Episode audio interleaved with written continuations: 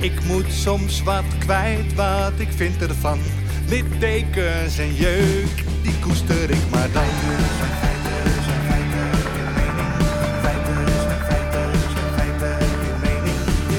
Duidelijk en luid. Riemen vast vooruit,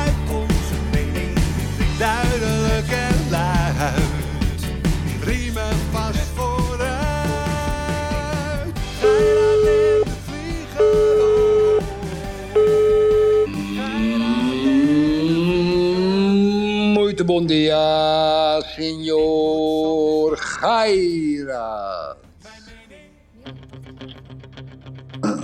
Eye of the Tiger. Motorbondia. Kapitaal. Haha, Erik. Wat gezellig dat je er was, vriend. Ja, Dit was het gevoel, Erik. ik, had, ik was aan het twijfelen tien weken geleden. En toen zei jij tegen mij... Twijfelen? Ja, ik zei toch dat ik misschien niet kon en zo. Misschien niet kon. En toen zei jij... Jij komt. Ja.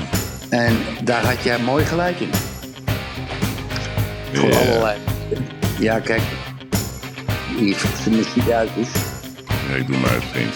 van de Eye of the Tiger. Kijk, dames en heren, waar, waar Gij het op doelt, is natuurlijk de Masters Expo.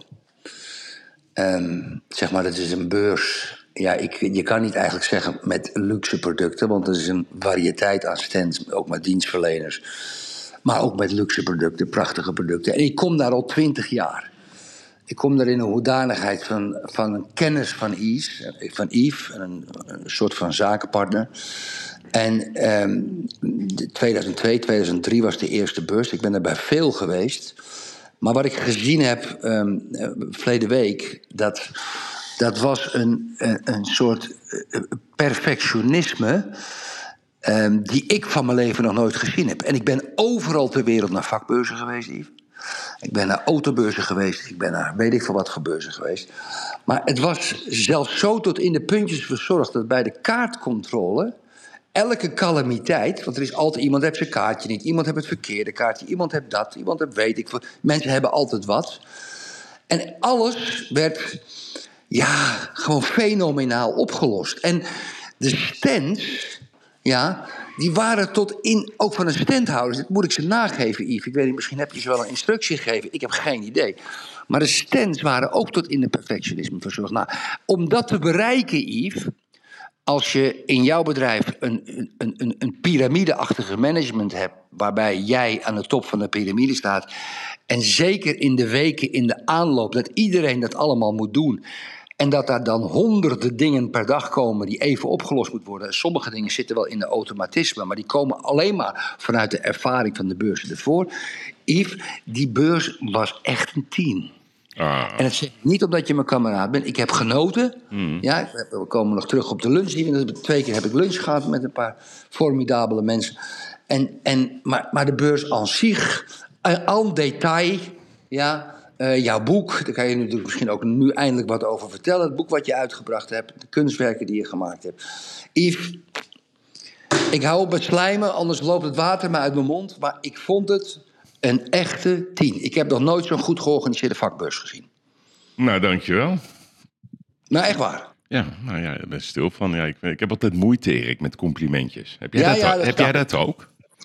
Nee.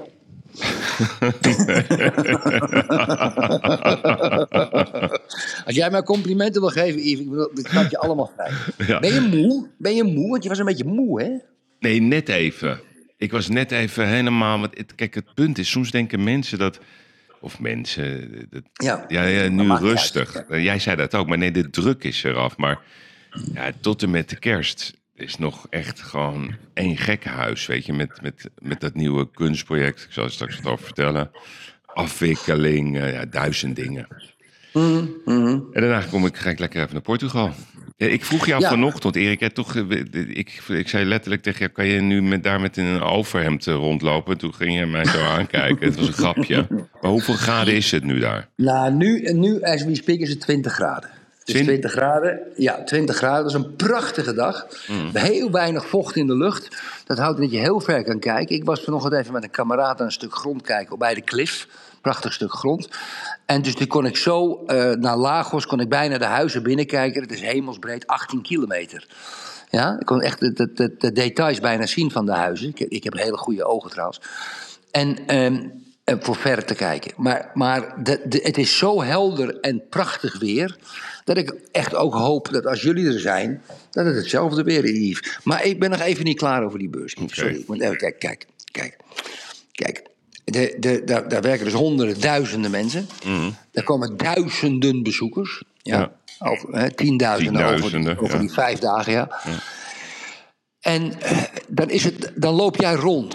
Ja? Mhm. En, en, en ik ga jou vertellen, als ik de organisator van zo'n beurs was, dan zou ik niet zo rustig rondlopen als jij. Hmm. Jij loopt alleen maar rustig rond. Ja. Oh, rustig, op je gemakkie. Ik zie je nooit rennen, Nee. boos kijken, of, of weet ik veel wat. Ik zie je wel eens geërgerd kijken, maar dat doe je vaker. Maar hoe doe je dat? Ja, kijk, ik, ik, heb, ik, ik heb wel eens eh, verteld dat ik, ehm, ik, ik geloof namelijk in elk bedrijf, wat het ook is, hè. Eh, of het nou de politiek is, of een voetbalclub, of een beursorganisatie. Ik geloof in de, in de principes van Eckhart Wins. En dat heb ik echt van hem geleerd. Hij leeft niet meer.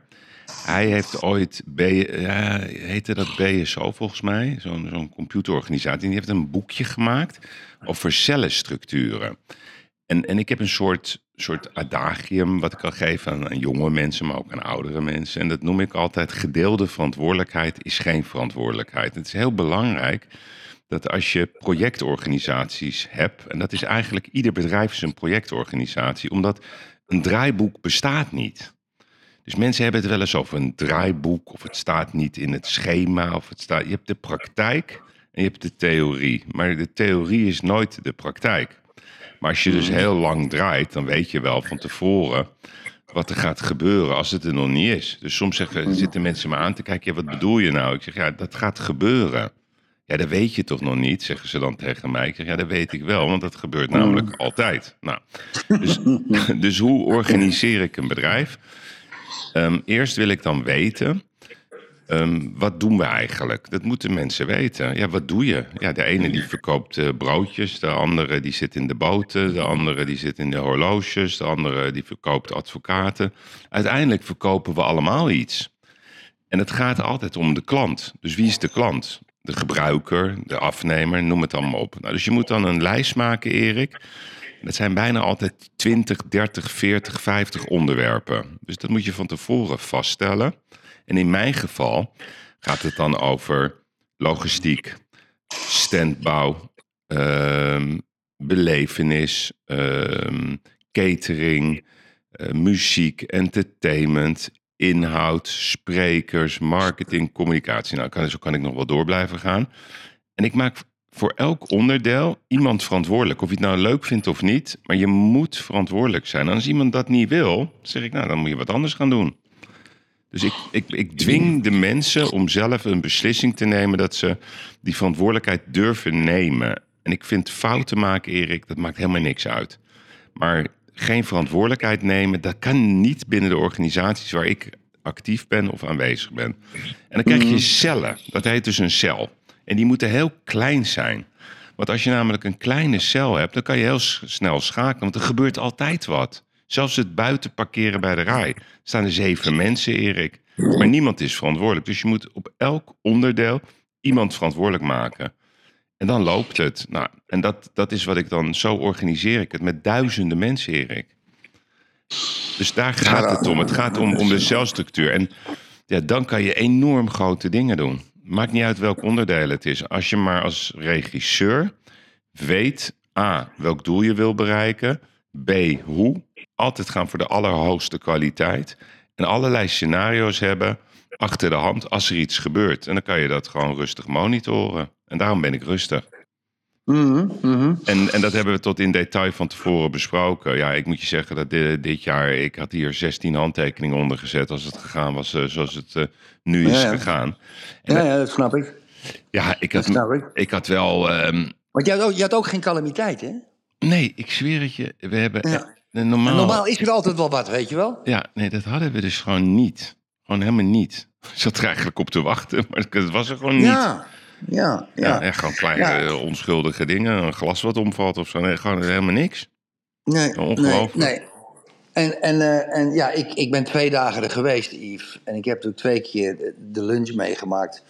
En dames en heren, ja, dan, dan aan tafel zitten met, met, met eh, ja, begin maar Cor Zadeloff. Ik heb een tijd met Marcel Boekhoorn gesproken, was ontzettend gezellig. Ja.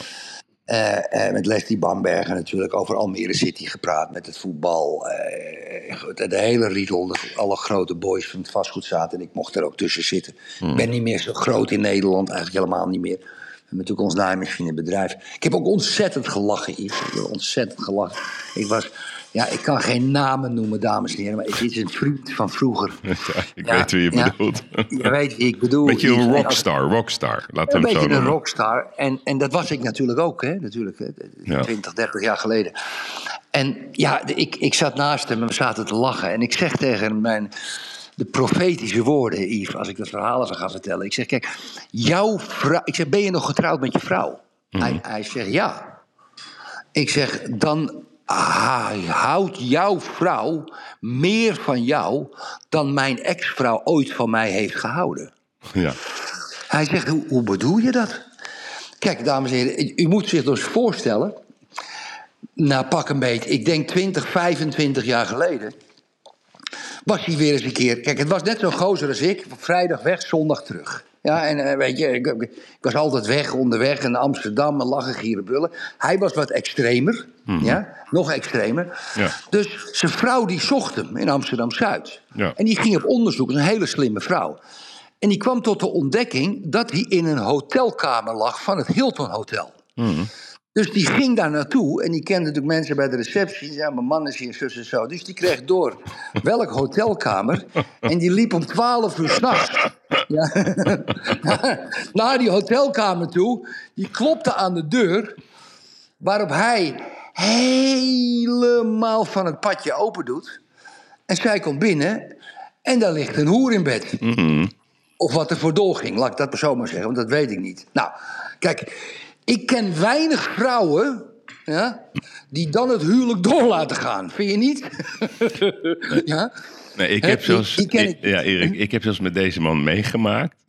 Ja. Dat, we hadden een- ergens een, ja, het is heel, ja, het is zo lastig dit, omdat het, we kunnen het gewoon niet maken om, om hem te benoemen, maar Nee, doen we ook niet. Nee, Doen maar- niet. Het is een geweldige gozer het trouwens. is een unieke man. Het is, hij is Ja. uniek, ik hou van hem Ja. en zijn vrouw is geweldig en die houdt ook Ja, van hem. dat Die- moet wel. Het is wel bijzonder hè, dat een vrouw hem dit allemaal vergeeft. Hè? Dat vind ik Ongelooflijk. uniek. Maar ik heb Uniek. zelfs met hem meegemaakt. Dat was een, een- iets anders. eh, met, met iets kunstzinnigs. Eh, ja, en, dan, en, dan, en dan liep hij weer. ehm, ja, er waren de twee, twee hele charmante dames van het hostessenbureau. ging hij, hij ging opstaan. wel- ik vind het nu wel leuk. Ja, en dan stond zij op en dan ging ze achter hem aanrennen. En dan riep ze hem eh, gewoon, gewoon met iedereen erbij. Hè? Nu aan je tafel zitten. Ja, en ja, hij kan het gewoon niet laten. Ja, Nee, het kijk, is- weet je, ik had vroeger een Deense dog. Ja? Mhm. en, en, en dan liep ik mee in het Vondelpark. Ja? Eh, Ik hield hem wel, maar mijn vrouw en mijn kinderen niet. En dan kwam er een loopsteefje voorbij. Ja. En dan rook hij dat. En was hij niet te houden. Die hond. Die hebben we een keer van het politiebureau weg moeten halen. Die ontsnapte gewoon. Die liep achter zo'n loopsteefje aan.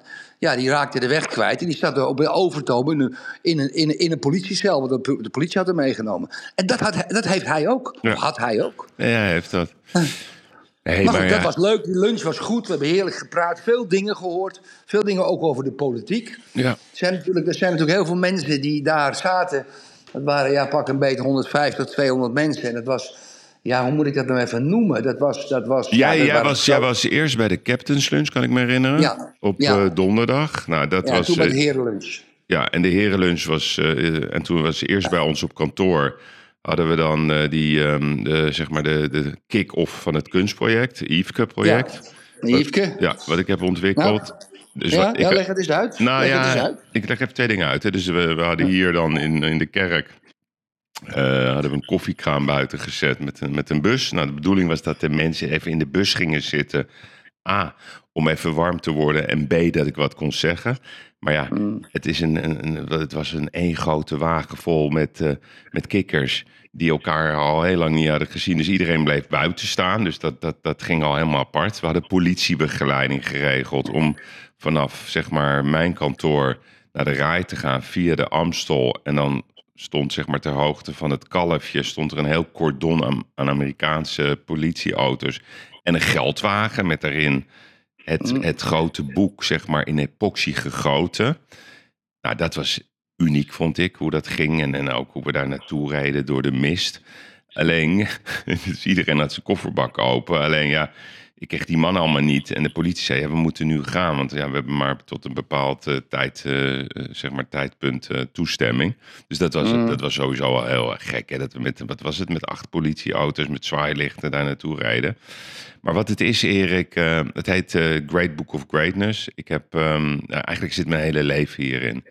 Ik ehm, heb ehm, duizend mensen in de wereld geselecteerd waar ik van mening van ben dat ze het verschil kunnen maken. Dus mijn, mijn vraag, eh, openingsvraag in het boek, het is trouwens Engelstalig, heel groot, eh, 43 centimeter bij 500 centimeter.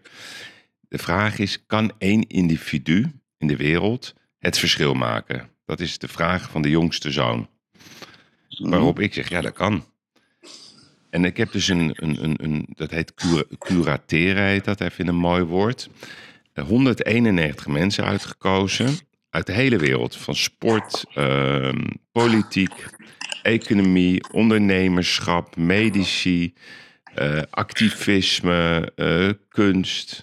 Nou, die mensen heb ik helemaal ontleed. Biografieën van gelezen, documentaires van bekeken. En aan de hand van mijn ogen, samen met een kunstenaarscollectief, wat geheim is trouwens, en dat blijft ook geheim, hebben we van elk persoon een werk gemaakt, een kunstwerk. En dat is dat boek geworden. En dat zijn kleine boeken, kunstwerken, nou, heel, heel, heel groot verhaal. Dat gaat de komende jaren heel veel impact hebben. Hopelijk ook op, op de wereld.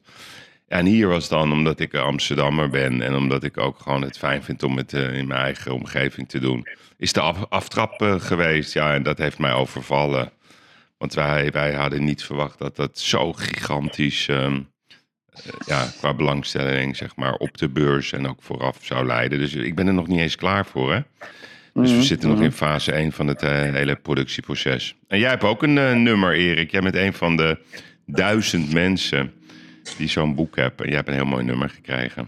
Nee, ik heb het gekocht. Ja, je hebt het gekocht. Je hebt het gekocht. Ja, zeker. Maar terecht, ja. je kan hem gewoon neerleggen. Die wordt alleen maar meer waard. Daar hoef je geen zorgen om te maken. Ik ga hem volgend jaar veilen. Kijk, ik ben, opgevoed met, ik ben opgevoed met het principe winst is winst. Ja, maar dat wil ik niet, Erik. Dat mag je ook niet doen. Dat is niet. Ja, dat eh, staat niet ja, nee, maar, dat ja, maar Erik, dat is het elke keer hetzelfde. Dat was ook toen in 2002 dat je het Joods Journaal van mij wou kopen. Ja, Om ja. een deal te maken in New York. Ja, daar moet je eens mee Ja. ophouden. Oh, eh, Ja, maar Yves, ik ben, ik ben zakenverslaafd. Daar kan ik toch niks aan doen? Nee, je, je bent transactieverslaafd. Ja, jij, bent, ja, jij hebt dat transactieverslaafd. Ik heb de transactie. Ja, ik kom met de notaris hebben we nu een stuk land gekocht om een huis te bouwen. En ik heb toch een bord te koop neergezet. Ja. Zegt ze, waarom, waarom doe je dat? We gaan naar een huis bouwen. Ik zeg, ja, schat, Maar je gaat, de, je gaat de notaris toch ook niet verkopen?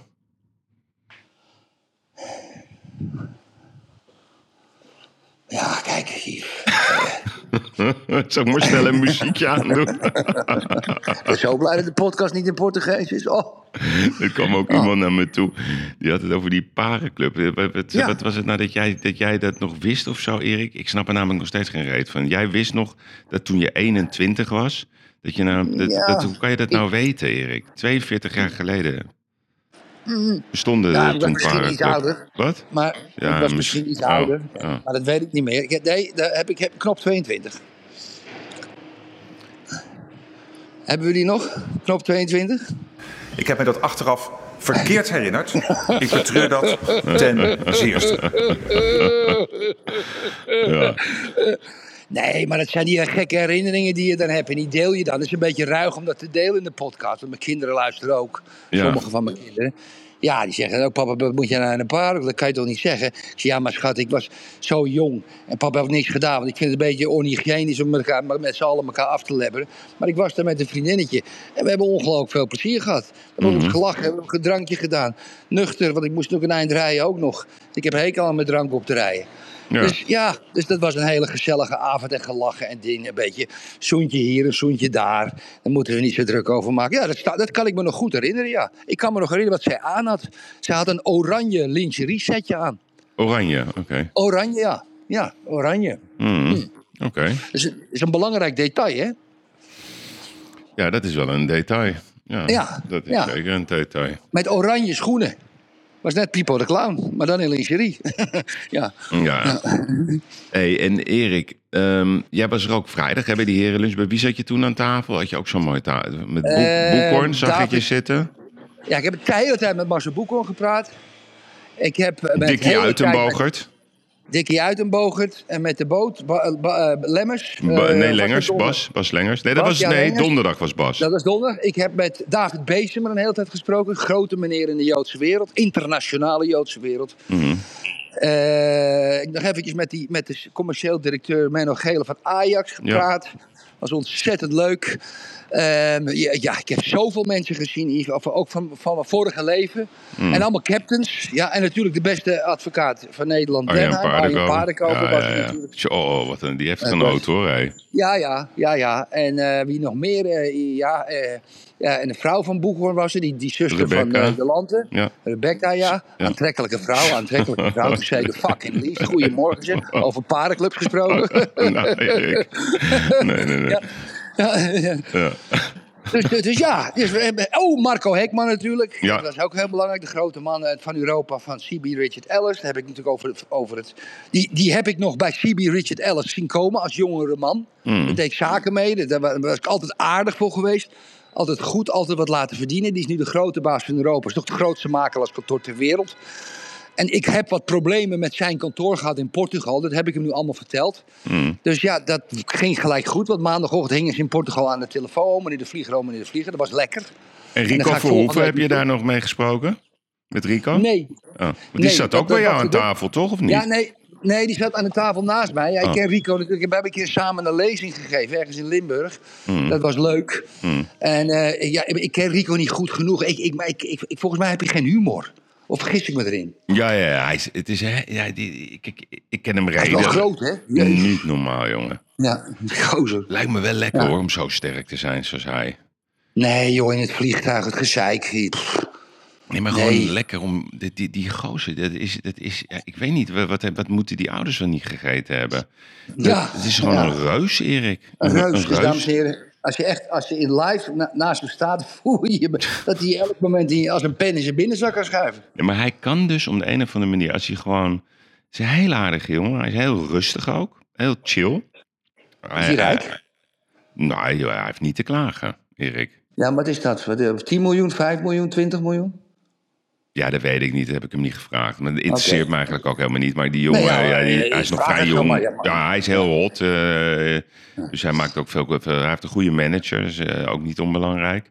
Mhm. En hij is, hij, weet je, hij is hongerig. Dus hij, hij doet graag dingen. Hij, hij wil overal aanwezig zijn. Eh, ja, hij heeft enorm veel energie. Hij, is nu al, hij heeft ook die film gedaan. Ja, ik, ik, ik, kan, ik kan het heel goed met hem vinden. Weet, je- weet je wie, wat- wie oké. ook zo gezellig is? Michael van Gerven, die was zondag gekomen met zijn vrouw. De darter. De darten, ja. En dat, Ja. dat, die, die wordt, die- dat is, ja, ik weet niet, dat, die sporters die hebben iets, die, zijn- dat, die hebben ook iets wilds. Dus hij werd helemaal wild op die vloer. Dus ik zeg, Michael, doe even rustig, joh. En dan, wil hij wijn drinken en alles. En, maar dat komt, ik zeg ook, maar hoe werkt dat nou in jouw brein? Als jij daar staat op dat podium. Ik zeg, ik heb altijd moeite mee om op gang te komen. Als ik eenmaal in de flow zit, ja, dan lukt alles mij. En dat, he- dat hebben ze, voor hem is de eerste ronde... Dus de eerste legs is tien keer moeilijker dan een kwartfinale. Snap je wat ik Ja, bedoel? ja. Gewoon er Ja, even ja, dat snap erin komen. Ja, ja. Maar al die Oh sporters die hebben een soort focus. Eh, dus Joost Luiten, die was ook, eh, eh, even kijken, op de donderdag. Dat is die Nederlands kampioen golfen. En die heeft dat ook, dat, dat focussen, Erik. Dat bijna dat autistische concentreren op één ding. Jij hebt dat ook. Ja, ik heb dat ook. Ik heb dat heel erg sterk. Jij kan dat En kan, ook. ik, en, en kan ik hem niet uit mijn hoofd laten. En er is niks belangrijker dan dat. Ja, Dat gewoon maar zo- blijven focussen, focussen, focussen. En Bergwijn was er en Taylor was er, geloof Ja. ik. Hè? Ja. Zag je een beetje smoesen met die... Wat, wat, wat had je met die Taylor? Nou ja, ik ging even met Ja, ze. Nou ja, ik had ze natuurlijk al eerder gezien ergens anders. En ik, eh, ik zei tegen Taylor, eh, ik zeg, wel, je speelt nu weer goed. Waar ligt dat aan? Nou, dan komt een heel verhaal over de media. Mm. Ik zeg, jongens, jullie hebben alleen maar invloed eh, waar je zelf invloed op hebt. En eh, vriendinnen waren het daar gelukkig mee eens. Het zijn allemaal heel aardige jongens. Alleen, Iedereen wordt gek van, van, van, dat, van dat zuigen altijd door die media. Maar dat, dat- ja, dat is nou helemaal Ja, ja. game en zo. En de jonge mensen snappen dat gewoon niet. Maar dat zijn leuke Nee. jongens. Het middenveld van PSV was een vrij zaterdagavond. Wie, die goeie, die donkere jongen? Nee, dat was, ehm, hoe heet die? ehm, eh, help me even. Volendam? Veerman. Ja, Ja. Joey Veerman. En die andere, en nog eentje. Ehm, Drommel. En met er nog een middenvelder van PSV. Hoe heet ze nou? Til? Ja. Til. En Ja. nog eentje, nou ja. Schouten, Maar- Schouten. Jordi Schouten. Ook, ook de goede voetbal. Ja, die, die gaat nu waarschijnlijk naar de achterhoede. Maar ik heb genoten van het PSV. En ik verheug me al echt op die 16e finales. Maar echt. Ja, ja, als ze geluk hebben, loten ze Real Sociedad. Ja, die zijn heel sterk. Die Ja, ik heb liever dat ze Atletico Madrid lopen. Ja, ja oké. Dat Ja. ze ook veel kans. Ja, Dat ze ja, ook een kans. ja, dat hoop ik liever, hoop ik liever. Yves, zullen we overgaan tot de orde van de dag en de beurs gaan afsluiten, lieve jongen? Ja, we sluiten de beurs af. Ik, ik kijk Oké, er met... wie wordt met de Kamervoorzitter? Nou Want het, het- het- kijk, het probleem is, als wij uit gaan zenden, is dat al bekend. Ja, dat klopt. Ehm, het is nu half vier. Nou, dat zou toch wel een beetje zo moeten gaan stemmen, hè? Even kijken, er is nu een live debat. Tweede Kamer kiest niet even voorzitter. Oké, laten we even speculeren. Ik hoop, ik hoop, ik hoop Martin Bosma. Dat is het enige wat ik kan zeggen. Maar of het Als de gebeurt... VVD, kijk, de VVD gaat toch niet op die, die, die Van der Lee, dat is een, dat is een links-extremist man, Ja, stemmen? ja, ja. Kan toch niet? ja.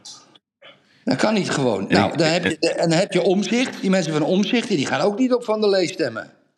Oh, hier, Bosma Dat zelf, Van der Lee. Maar hoe zou zo van, van der Lee? Ik bedoel... Ja, dat is een soort... eh, Maar hoe werkt dat dan, Erik, dat stemmen? eh, briefjes. Dus een, allemaal, dus, dus alle... alle... Nee, wacht even, Yves. Hoofdelijk briefjes maken in een vaas gooien. En er moeten meer dan 75 Kamerleden gestemd hebben. Hè, minimaal, eronder, anders is het niet geldig. En is het bij gelijke stand, ja, dat is, heb ik gelezen vanochtend.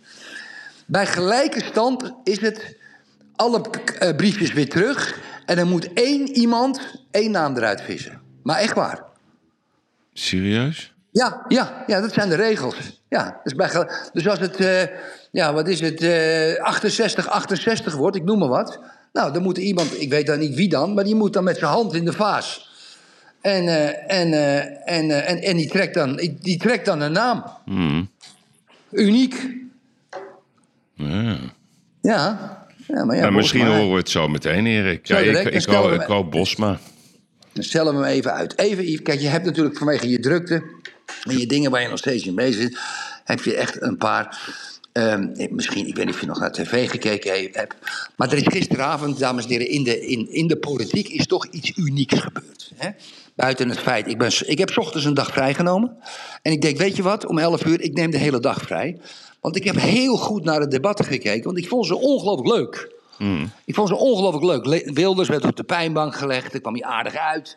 Die wilde verzoenende, de mildere man zijn. Eh daar werd ook allemaal aangevallen op die grondwet. En dat gelul over die grondwet, dames en heren.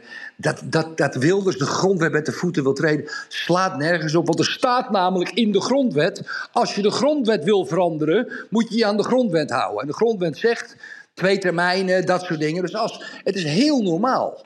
Trouwens, dat de grondwet wel eens af en toe aangepast wordt. Want de tijden veranderen ook. Ja. Snap je? Dus dat, is, dat zijn hele andere tijden dan 200 jaar geleden. Dus dat gelul over die grond. Maar dat is het enige argument waar ze wilden zo willen pakken. Maar.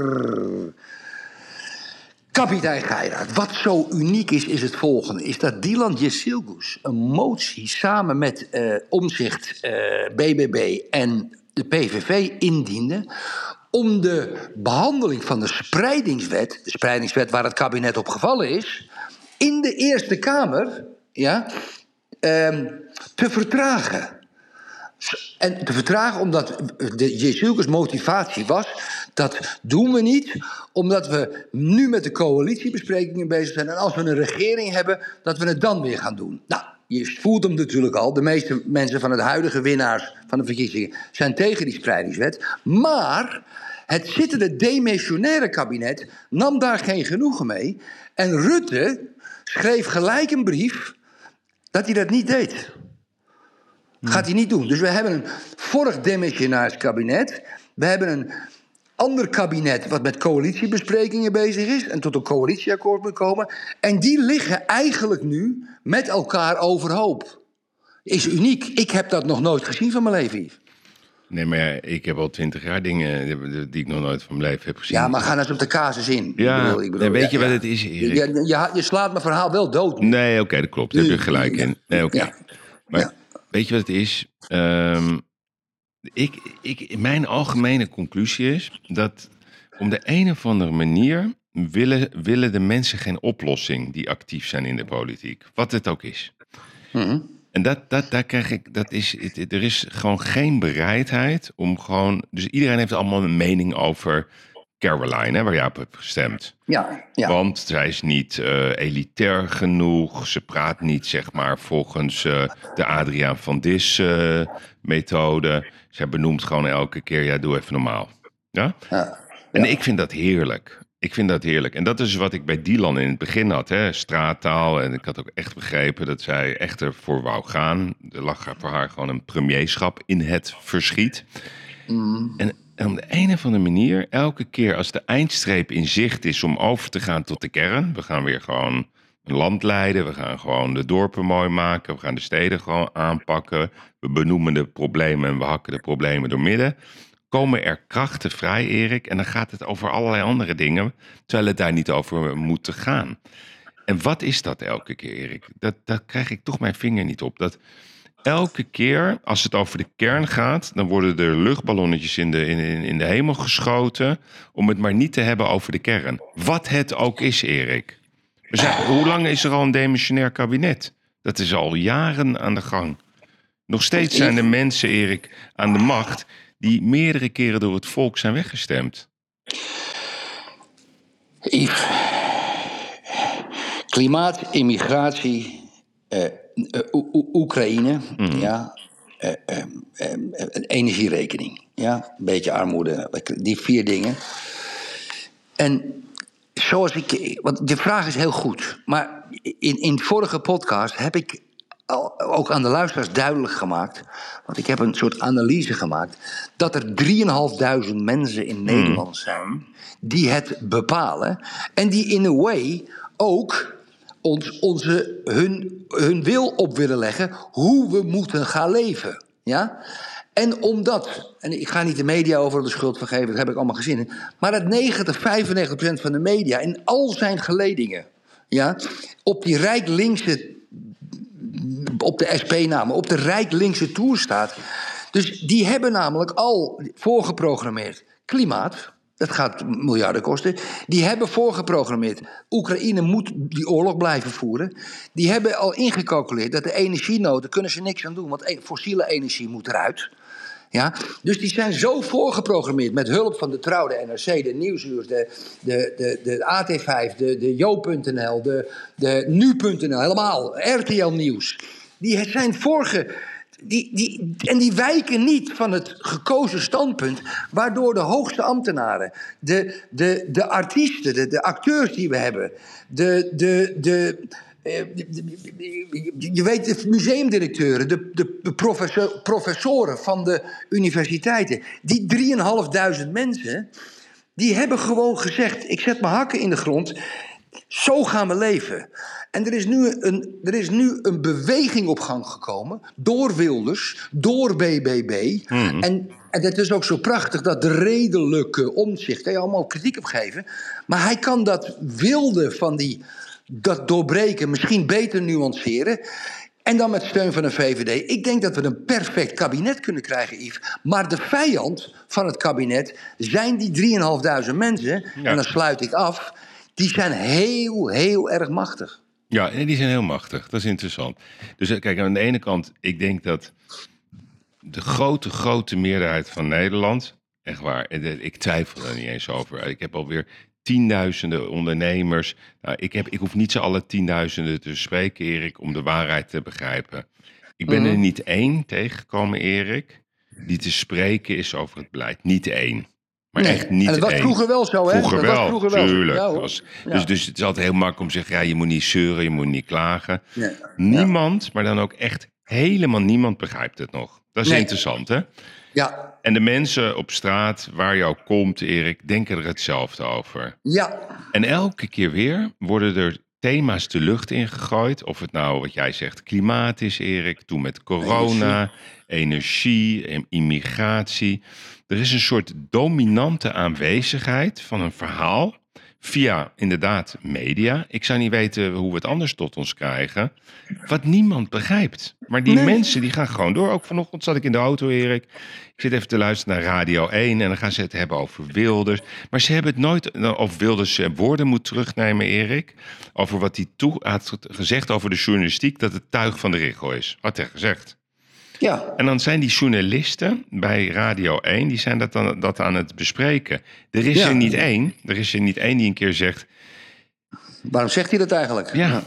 Ja, Ja, nee maar Erik, dat- nee, maar. Erik dat is het. Waarom zegt hij dat daar? Er is er niet één, Erik. Niet één. Nee, nee, maar goed, ze worden allemaal gesteund door de Dirk Sauers van deze wereld. En zo zijn er nog een aantal, dat weet je net zo goed als ik. Ja, en dat is toch, dat is toch een, dat is een clash, Yves. En het gaat toch een grotere clash worden. Dat gaat echt een hele grote Ja, maar clash ik, ik, ik sprak eh, Jort. Die was zaterdagavond. Dus eh, ik zeg, hoe ga je, ben je je baan kwijt? Hij zegt, nee, ben je gek? Jort, Jort leeft, Erik, van het lezingencircuit. Ja, dus, tuurlijk. die, dus die jongen, die, die, die, die heeft gewoon een bepaalde manier en die- die heeft het voor elkaar. En die vindt dat op één, vond hij altijd heel leuk om te doen. Hij zou dat niet iedere Ja. dag willen doen, dat vindt hij allemaal te zwaar. Maar als iemand een insider is, hoe het daar aan toe gaat. Ja, die heeft, dat, die, dat, dat woord zei hij niet, maar het is gewoon een secte, Erik. Een, een, een- Ja. en het is een secte. Secte. Het is een secte en die mensen in die secte, die weigeren gewoon om naar zichzelf te kijken. Die blijven maar doorgaan met het inhakken op hun eigen visie. De hele journalistiek is fucking failliet. Ja. En, en ja, ik weet niet hoe we het moeten oplossen. Ze zijn zichzelf aan het opblazen op een manier die ze weergaan niet kent. Het is echt een kwestie van tijd. Maar ik, het verbaast mij dan dat er dan niemand vanuit die eigen gelederingen opstaat die zegt: ja, jongens, wij doen Ja. toch iets niet goed. Dat, dat, dat gebeurt ook. Maar wat is dat? Is dat trots of zo? Wat is het? Nee, dat is beschermen van het winkeltje, Yves. Winkeltjebescherming. Het winkeltje Niet meer dan tussen, de zes, tussen de 6 en de 10.000 euro per maand. Meer Ja, is het niet. Daar doen ze alles Arjan voor. van- Alles, alles, alles, alles. Zelfs, zelfs geloven. Maar dat mensen geloven ook in God. Dan denk je, ja, ja, oké, geloof jij in God? Ja, daar gaan we niet over. Die, die, die discussie ga ik nooit Ja. aan. Ja, maar dat weet ik niet. Maar kijk, de verleden week, dames en heren, was zo'n prachtig verhaal. Er kwam er een column van Arjan van Velen in de NRC. Nou, de NRC is op dit moment echt wilders aan het bestje. hè. Echt, en alles van de doen PVV. alles. Maar wat we zeiden, die zijn aan het bellen, bellen, totdat ze iets vinden. Ja. Het zijn, ja, het zijn het fascisten, het zijn dingen. En er is eentje, Arjan van Velen, die is getrouwd met die eh, Rosanna Hertzberger. En die heeft een column geschreven. En die haalde die hele linkse kerk. Maar echt die hele, ik heb hem je gestuurd, die hele linkse kerk. In hetzelfde NRC, zaterdag NRC, helemaal onderuit. En als je toen zag hoe hij aangevallen werd. Zelfs door NRC-journalisten. Sterker nog, de hoofdredacteur van de NRC liet een, iemand de mogelijkheid om een tegencolumn op de columnist te schrijven. Dus die, die Arjan van Velen kwam erop neer dat ze allemaal eens een keer. waarom is het zo op de PVV gestemd? En die, en die, die legde 25 verschrikkelijke dingen die de laatste tien jaar in de maatschappij zijn gebeurd en waar we geen oplossing voor gevonden hebben, in een paar zinnen uit. Fenomenaal. Ja? En, en, en daar werd niet naar door, daar werd door ons, ik noem even mij, ik zit in die andere hoek, om gelachen. Geweldig, niet, niet normaal. Ik, ik heb die column opgepakt van de NRC, gekopieerd, op Twitter gezet. Ik kreeg 160.000 pageviews op een fotootje. Dat Ja. vind ik nogal wat. Ja, ja. Ja, vind ik nogal wat. Het blijkt hoe het leeft. En ontstellend veel reacties. En die, die, die werd dus, die aanvallen op hem, op die eigen columnist van de NRC, die, die waren zo vals. Zo gemeen. En zo helemaal niet op de inhoud, Yves. Ja, dat, dat ze ook niet de macht hebben of de angst voor hun winkeltje. 6 tot 10.000 euro per maand, hypotheek, et cetera, et cetera. Vakantietje, dingen, fatbike, elektrische bike voor 7.000, 8.000 euro. Een vrouwtje krijgt nog een bakfiets. Die was volgens mij ook wel 8.000, 9.000 euro. Dat is het, Yves. Dat is de bescherming van hun winkeltje. En ze zijn bereid, ze, die 3.500 en aanverwante artikelen, zijn bereid tot het uiterste te gaan. Het is een levensgevaarlijke groep. Levensgevaarlijk. Maar is het jaloezie gewoon, Erik? Nee. Nee, nee, nee. Jaloezie is gewoon de SP. Een ander heeft meer geld. Nee, Jaloezie want, dat, is- nee ja, want ik vind de SP bijvoorbeeld. Die Nee, hebben nu die dat nieuwe. lijkt me zo. Nee, nee, maar Erik, de SP, hè, dat zijn nou de enigen die een gedeelte van hun salaris verplicht gewoon in de partijkas storten.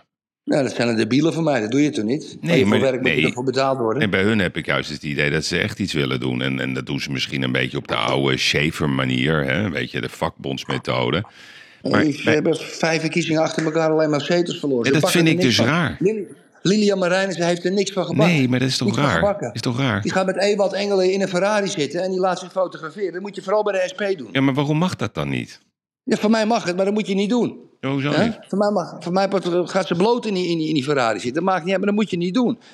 Kijk, het SP is altijd een beetje een soort dappere partij geweest. Activisten, activisme, Ja. protesteren, protesteren. Ja, maar ik heb, Nou, ik heb duizend, meer, duizend procent meer respect voor die mensen dan, dan, dan, dan die elitaire GroenLinks-bende, Erik.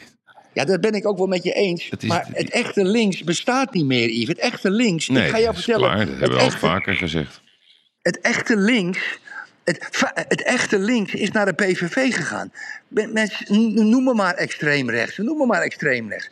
Maar 25% van de vakbondsleden, dat was bij Buitenhof, daar zat de baas van FNV geloof ik.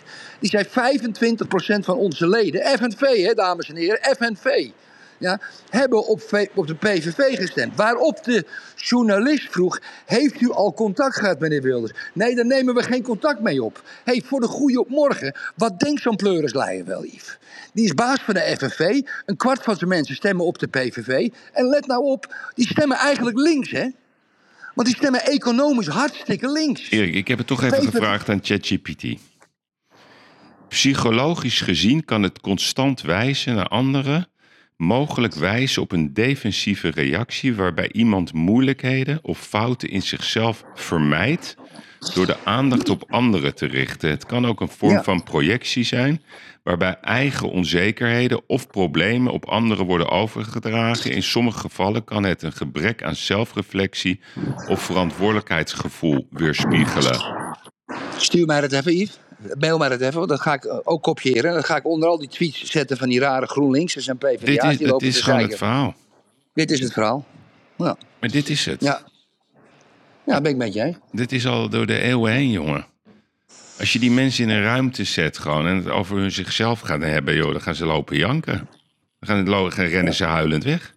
Ja. En ze, ze praten over de grootste vraagstukken in de wereld, over landen. Ze zijn er nog nooit geweest. Ze hebben nog nooit een rol drop verkocht. Ze staan nooit met hun voeten in de modder.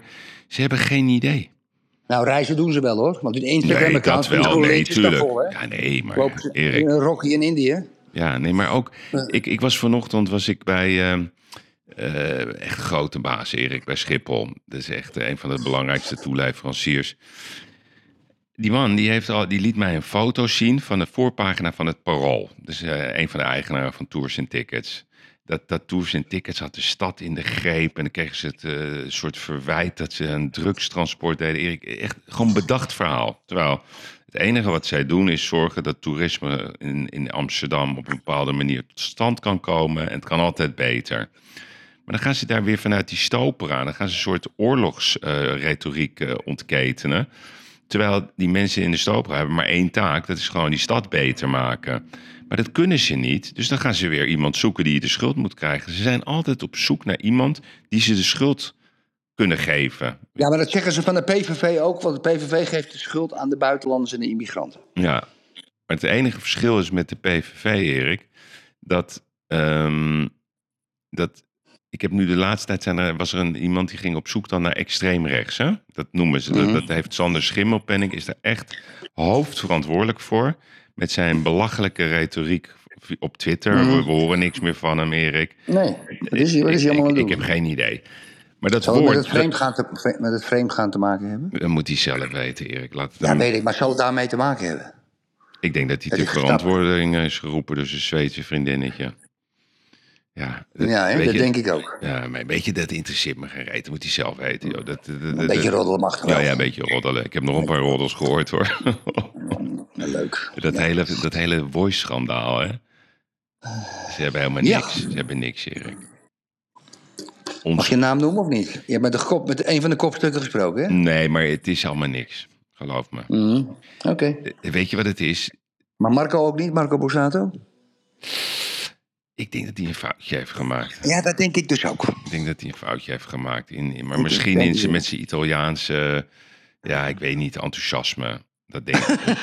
dat, dat, denk ik. Dat denk Ja, ja, ja, als je, ja als een, dames en heren, als u gepakt wordt door de politie voor verkrachting, gewoon. Ja, nee, nee, nee. Verkrachting is iets anders. Nee, maar. Erik, verkrachting is, is iets krankzinnigs. Dus ik bedoel, er worden af en toe, ik las laatst een artikel, ja, dat verkrachten is legitiem of zo. Dat werd geroepen. Dat je, dat je vrouwen kan verkrachten door een, door een jihadist, die riep dat gewoon. Ja, Ja, dat, dat- ja, sorry Ja. waar gaat het over, Erik? ja, ja, ja, dat klopt. Dat heb ik gezien, die gozer. Die zat dus uit te leggen. Dat was een, een islamgeleerde, hè? wist je dat? Ja, ik weet het allemaal niet wat ze allemaal dat zeggen. Ik kan het allemaal niet meer volgen, joh. Nee, maar Leuk. Dus, dus, ze zijn al, dus er was iemand, een journalist, eh, die ging dan op zoek naar extreem rechts in Nederland. Naar de rode draad van het verhaal, Erik. Was dat die mensen gewoon zeggen wat wij al heel lang roepen. Ja, wij houden gewoon van Nederland. We willen gewoon ons Ja. DNA terug. Alsof je daarvoor moet schamen. Ja, daar moet je je voor schamen, ja. Voor, voor die gasten. Maar dat ja. is zo'n minigroep. Hè? Ik vind het toch wel fascinerend dat zo'n klein, zo'n klein groepje, Erik, zo'n klein groepje, het voor slaven. elkaar heeft gekregen. Wat bedoel je daarmee? Ze zijn slaven. Dat zijn, dat zijn slaven, net als die gasten van Volt. Die willen zich onderwerpen aan een grote mogelijkheid. Ja, dat, en dat, Ja? dat zelfkastijdinggedrag van die Thijs Ja. van der Brink. Ja, ja. Maar wat, ja. wat gebeurt er nou als je al die mensen oppakt? Allemaal. En je gaat ze gewoon even drie, drie jaar lang... ga je ze gewoon op een soort eh, brainstormkamp in Texel. Of waar dan ook in Nederland. En gewoon... En dan gaat hun salaris door tussen de 6 en de 10.000. Nee, nee, nee, nee. nee. Gewoon, dan kunnen ze daar gewoon lekker tot zichzelf komen. Ik denk dat je een fantastisch land hebt. Dat duurt een dag. Ja.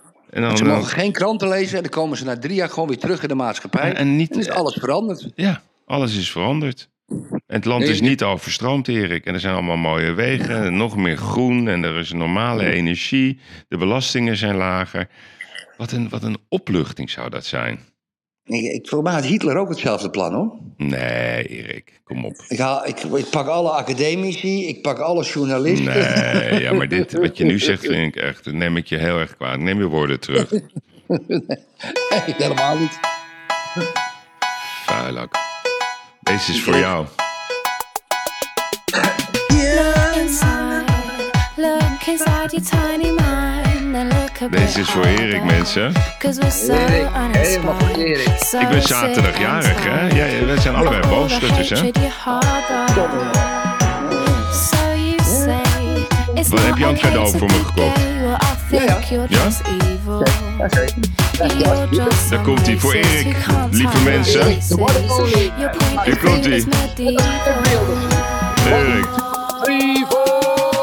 Fuck you very, very hard. Ja. Oké, dat is dat. Die Ja. wat ik ook nog met je wil bespreken. We hebben even de Nederlandse politiek gehad. Ik heb het eh, on, eh, ongelooflijk nieuws. Want toen ik vanochtend om 7 uur 6. Ik kwam om 6 over 7. En dat heb ik je net ook al verteld. Om 6 over 7 kwam ik, stond ik bij mij op het terras. En toen was de zon al als een bolletje precies stond hij op de horizon. Alsof een voetbal op het grasveld lag. Want jij vroeg mij, hoe laat wordt het nu eigenlijk licht bij jou? Bij, je zou eigenlijk moeten zeggen bij ons. Want, hè, maar licht bij jou. En dus ik heb je uitgelegd. Ja, ik, vroeg, uur ik vroeg eerst aan jou of je in een overhemd kon rondlopen, toch? Ja, dat is natuurlijk trok ik een beetje, een beetje naar hoofd. Maar wat schrok ik tot mijn verbazing, maar, maar niet normaal, toen ik mijn iPad opendeed. Oprah Winfrey is afgevallen, Yves. Ja, Dat is ongekend, dames en heren. Oprah maar met Winfrey. pillen heeft ze toegegeven. Ja, kijk, ze hebben weer gelogen. Ze hebben weer gelogen. Kijk, die vrouw is van 108 kilo naar volgens mij 76 gegaan. Hmm. Ja, nou, ik vind als je dikke mensen die heel mager worden, vind ik lelijk. Die, alles krimpt in eh, huid en het wordt allemaal moeilijk en weet ik wat. Maar goed, ze wordt er misschien ouder mee. Maar van 108 kilo naar in de 70 kilo. En ze had dus men, eh, altijd maar ontkend dat ze speciale medicijnen gebruikt had om af te vallen. En, dat schetst mijn verbazing, lieve luisteraars. Ze heeft gisteren toegegeven dat ze toch speciale medicijnen heeft gebruikt om af te vallen. Ik vind dat toch Maar wat voor medicijnen zijn dat? Ja, dat heb eh, dat heb ik opgeschreven. Sopamine, so, so, sopam, sovadine, sovadine, sovadine. Ik, kan niet meer, ik weet geen eens meer wat ik Maar zeg dat nog eens even. Dus, Sovadine, want als zij dat gebruikt, Erik, ja, dan is het blijkbaar wel goed. Want ze heeft allemaal so sofadine. ja, sopadine. Sopadine, zeg het even, dan ga ik het even uitzoeken. Ja, ik weet het niet, Yves. Ja, Ik wil even weten hoe dat werkt, die pilletjes. Oprah. Even kijken, nieuws. Godverdomme, ja. Oprah Winfrey, medicijnen helpen me op, op gewicht te blijven. Nou, wat hebben ze dan gebruikt? Eh, een paarse jurk, nieuwe look. Oh, eh, goedgekeurd. Nee, ze, ze zegt niet, ze zegt niet welk medicijn. Ik heb het wel gelezen. Dus toch, Oprah Winfrey bekend. Telegraaf. In de Telegraaf. Daar staat, eh, oh, dan moet ik weer een abonnement hebben, maar dat vind ik te duur. In ieder geval een bepaald medicijn. En eh, ja, het, Hmm. Nou ja, als dat, als dat werkt, is 20 dat toch prima? Dat weet ik niet. Maar wat ik raar vind, is dat ze eh, eerst liegt en dan weer het goed, eh, ja, goedkeurt. Hmm. Ik hou wel van een beetje mollige vrouw, hoor. Ja, hier. Orly, ja, ik, ja, ja, hallo. Ja, hè? Ja, man.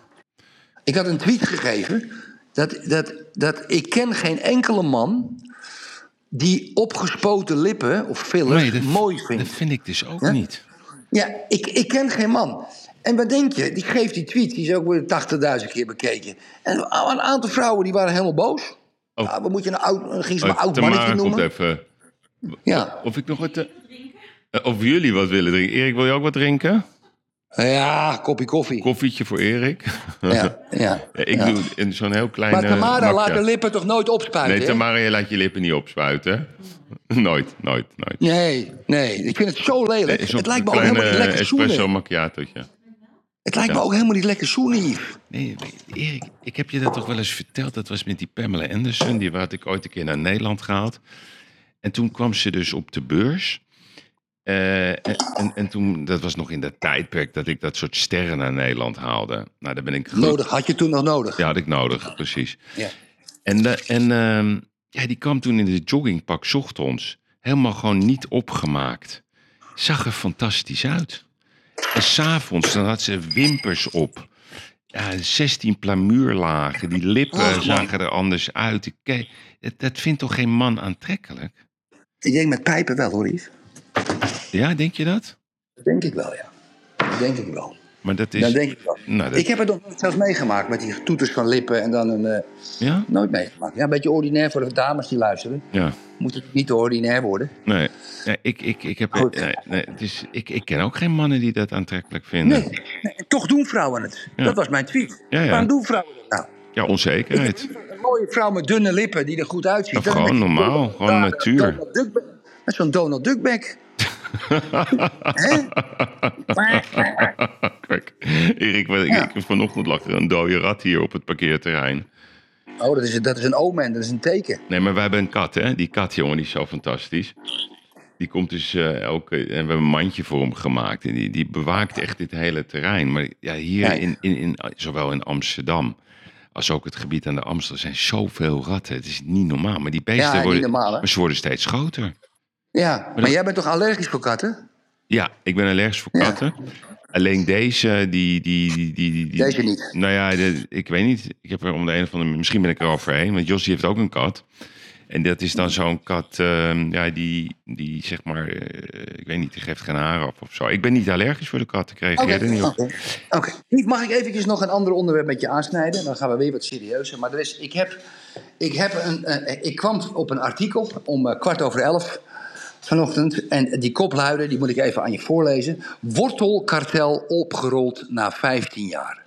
Wortel? Heb jij daar wat van mee? Nee, Wortelkartel. Dames en heren, dit is zo onwaarschijnlijk goed verhaal. van de wortels bedoel je? De Wortelkanaal. NOS, NOS. Ik ga een aantal dingen voorlezen. Vier bedrijven die wortels telen en verwerken... hebben jarenlang onderling illegale afspraken gemaakt. De volgende bedrijven, Larakken, Van Rijzing en VV, et cetera. Ja, ehm, het bedrijf Feco hield stevig grip op de Parijse wortelen. En volgens de ACM hadden de andere bedrijven de helft van de waspeenmarkt in handen. Ja? Na de inval, ze zijn gewoon ingevallen, hebben de bedrijven opgebiecht. En dat heeft geholpen. En in totaal kregen de bedrijven 2,5 miljoen euro boete. Dus ze hebben gewoon gezegd, er zijn een aantal soorten. Kijk, en ik vind het gevaarlijk. Ja? En ik ga je vertellen waarom ik het gevaarlijk vind. Het is een uniek artikel, maar ik vind het ook gevaarlijk. Kijk, stel je nou eens voor dat wij worteltelers zijn. Jij en ik. Ja. En jij hebt de Parijse wortelen en ook een beetje die waspeen wortelen. En ik heb de waspeen wortelen en ook een beetje die Parijse wortelen. En wij zitten samen in het café. Ja, en ik zeg tegen Yves, als jij nou even oprot van die Parijse wortelen... Ja. Ja, dan rot ik op van de waspeenwortelen. Ja. Dat hadden wij, dan hadden wij ons niet kunnen voorstellen dat wij strafbaar bezig zijn. Maar dan zijn wij strafbaar bezig. Dus jij, ik bouw een pand, jij bouwt een pand. Ja, ik zeg tegen je, wat vraag jij per vierkante meter? Ja, 8.500 euro. Ik zeg, ja, ik, ik vraag 7,5. Nee, dat moet je niet doen, man. Oké, dan vraag ik 8300. Dat is dus strafbaar. Oké. Dat is dus strafbaar, Yves. Het is, eh, ik vind het niet normaal. Maar dat we hier allemaal tijd voor hebben, Erik. Joh, jij, de handel is van alle tijden. Iedereen praat met elkaar. Iedereen heeft een bepaalde Ja, maar- domein. Ja.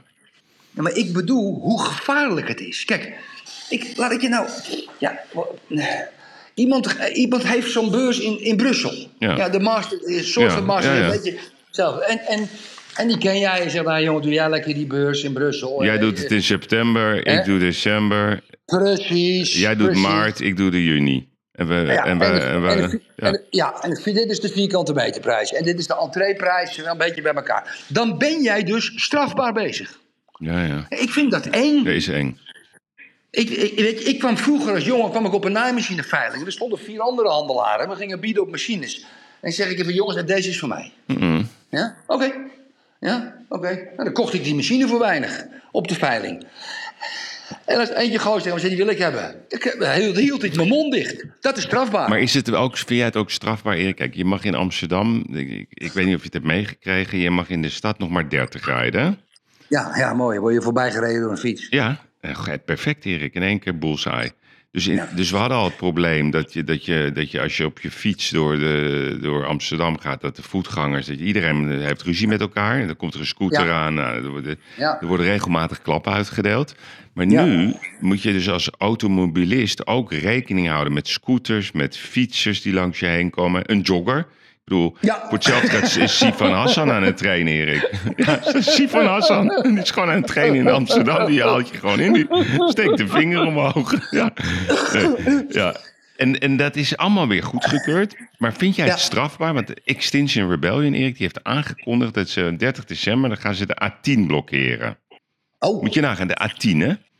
ja. Ja, dat gaat de hele stad. Dat is, dat is zeg maar, de, iedereen heeft vrij. Of niet iedereen, maar veel mensen hebben lekker vrij tussen kerst en oud en nieuw. Die willen dan eh, gewoon lekker leuke dingen doen, familie. Maar dan gaan ze daar tien blokkeren. Is dat strafbaar? Ja. Dat is volgens de wet strafbaar, ja. Ja, want ze, ze, ze richten zich dan op de ING. Want de ING die, eh, die, die moet kapot. Die daar niet meer zitten. Jawel, die zit toch wel gedeelte bij de schoen. Nee. Nee, eh, helemaal niet meer. Ze zijn, helemaal Oh ja, daar heb je gelijk in, Erik. Ja, ja, er zit alleen nog Dat maar is dat gebouw, eh, Roberto Meijer heeft dat ooit. De schoen, ja, die heeft dus- dat ooit ontworpen. 200 200 miljoen euro gekost om te bouwen. Ja, Ja. I- eh, Yves, ja, dat is strafbaar, dat mag niet. Zelfs als je in een een demonstratiewet eh, recht van protesteren.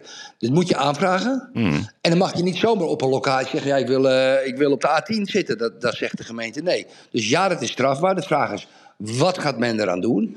Maar ik vind dat er wel een groepje van 100 Amsterdammers moet komen. die bij de feestwinkel allemaal 100 stinkbommen kopen. Kan je nog herinneren, die stinkbommen in het glas? ja natuurlijk. En als die gasten gaan zitten, dat je zo eventjes eh 500 van die stinkbommen daar Nee, maar eh, Erik, tussen gooit. nu gaan we het even anders doen. Leuk toch? Een familielid van jou, die, eh, die woont bijvoorbeeld in Badhoevedorp. Of die woont Ja. in Osdorp Ja. of Sloten. Ja, En die krijgt last van zijn hart. Dus die moet naar de, naar de VU, ja. een ziekenhuis, hè? En dan Ja, ja. zitten die gasten daar. Wat, de- Ja. de- wat doen wij dan? Komen wij met onze auto en dan blokkeren ze de weg. Nou, wat wij dan doen, kijk, wij moeten, wij moeten de, als ik met jou daar rij, eh, dan ben ik daar denk ik verstandiger in. Want ik ga mijn, arm op, mijn hand op jouw arm leggen. En ik zeg, Yves, als we nu wat doen, kan dat waarschijnlijk de rest van ons levensgeluk beïnvloeden. Ja, want je kan er ook overheen rijden, hè, over een benen. Kan ook, hè. Ja. Eh, ik denk dat we gewoon met een hele fijne, eh, niet een knuppel, maar gewoon een goed stuk hout. Niet te dik. Ja. Ze lekker eraf rossen met z'n tweetjes. Ja. Gewoon lekker een beetje rossen, boem, boem, op een benen en op een hoofd. Maar niet dat we ze zodanig verwonden dat we, dat we doodslag krijgen, weet je. Nee, nee, Kijk, je kan wel heel boos worden. Ik zie wel eens op, de- op, op, op social media. Is een automobilist die wordt gek. Ja, en die reed laatst iemand eh, het ziekenhuis in. Ja, die krijgt gewoon doodslag. Ja, ja. Ja? ja, die krijgt doodslag. En dan krijg je zomaar, als je dat in Amerika doet, krijg je zomaar 15 jaar Ja, gevangenisstraf. ja, die? Amerikanen. Oh, eh, eh, Daar moet, je, daar moet je verschrikkelijk voor opletten. Je moet echt op een houtje bijten. Ja, en als je een familielid overlijdt, Yves... en het is dan de schuld van de organisator... ja, dan moet je er niet meer over praten. Als je begrijpt wat ik bedoel. Ja, ik begrijp het. Hè? Ja, jongen. Ja. Wat een toestand allemaal. Ja. Even nog, Yves, heb jij het verhaal van Viktor Orban gehoord? Ik vind, dat, ik vind dat de laatste twee dagen, ik heb dat uitstekend gevolgd. Uh, omdat, kijk, er is nu een crisis binnen, binnen Brussel gekomen... omdat ze 50 miljard aan de Oekraïne moeten geven. Ja, moeten, ja. Moeten, want ja, en, en als ik nou even in het midden laat, wat mijn mening is dat ze dat geven. Want, maar als ze dat niet geven, dan heb je kans dat Oekraïne die, in die oorlog. Ze hebben al problemen, want er is ook minder aanwas van mensen, er zijn heel veel mensen dood. En natuurlijk moeten ze vrede sluiten en weet ik veel wat, en een bestand, en dat zal allemaal wel. Maar die, maar die fondsen, die kunnen ze niet overmaken naar eh, Oekraïne, de EU, omdat Orbán dwars ligt. Nou heeft Orbán zelf met Hongarije ook nog 30 miljard te vorderen van de EU. Immers, omdat de EU zei: Orbán, je hebt je zaakjes niet op orde met je rechtsstatelijke dingen, bescherming van LHTB, eh, nog wat, niet op orde. Dus we gaan jou, waar jij recht op hebt, niet uitkeren in Hongarije. En mensen dachten dat Orbán de steun voor Oekraïne tegenhield, zodat hij zijn 30 miljard kon krijgen, waar hij overigens al wel 10 miljard van gekregen heeft. Nou, wat is nou het unieke? En dat is net gebeurd. Orbán gezegd heeft, ik laat het een helemaal niet met het ander samenhangen. Ja? Als- jullie dat geld niet geven, die 30 miljard waar ik, waar ik recht op heb. Dan, eh, dat, maar het, als jullie, of jullie het nou wel of niet geven, ik ga ervoor liggen dat de Oekraïne dat geld krijgt. Dat is een heel serieus verhaal, Yves. Maar Poetin lag zich helemaal suf. Ja, die ligt helemaal in een deuk. Helemaal. Poetin ligt helemaal in de deuk. Nee, dat is, eh, ik bedoel, die, die Poetin is een hele oorlogseconomie aan het bouwen. Ja, Die staat gewoon eh, te, te roepen hoeveel bommen die nu kan maken. Eh, Ja. Nee, maar iedereen heeft het laten gebeuren. Dus kijk, die Orbán. Kijk, wat ik, ik, ik, ik ben jij wel eens in Hongarije geweest de afgelopen vijf Jazeker. jaar? Afgelopen vijf jaar. nee. Is fantastisch.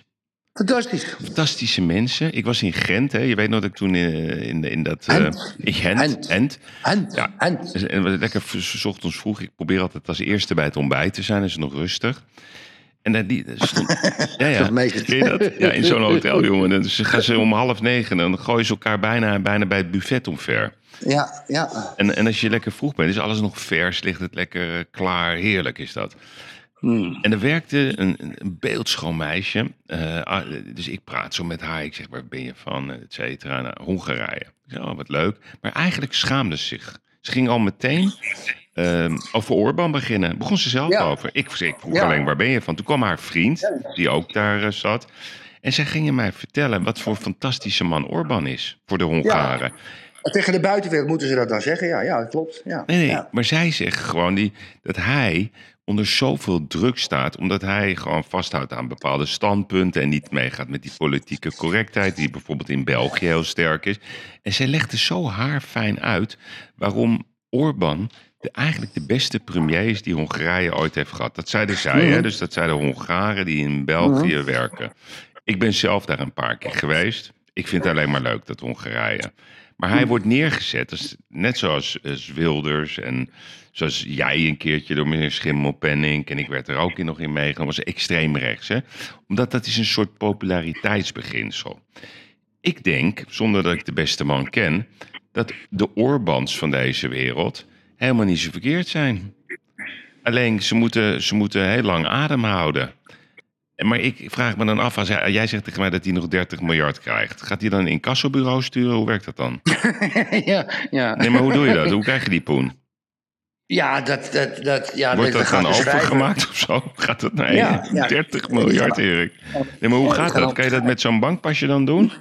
Nou ja, kijk, weet je, weet je, weet je wat het erg... Ik, ik had het over de rechtsstaat en de LHBTQ. Ja, maar ja, ja. Kijk, maar, weet je, maar weet je wat Orbán alleen maar gezegd heeft over de, over, over de homo's? Ja? Die, heeft, die heeft gewoon gezegd, jongens, als jullie homo willen zijn in Hongarije... geen enkel probleem. Op de straat, dingen. Je hebt daar gay prides. Je hebt homobars. Maak je niet druk. Die heb je allemaal. Misschien nog wel meer als in Amsterdam. Ja? Maar hij heeft alleen gezegd... ik wil het niet in de leerboeken hebben. Precies.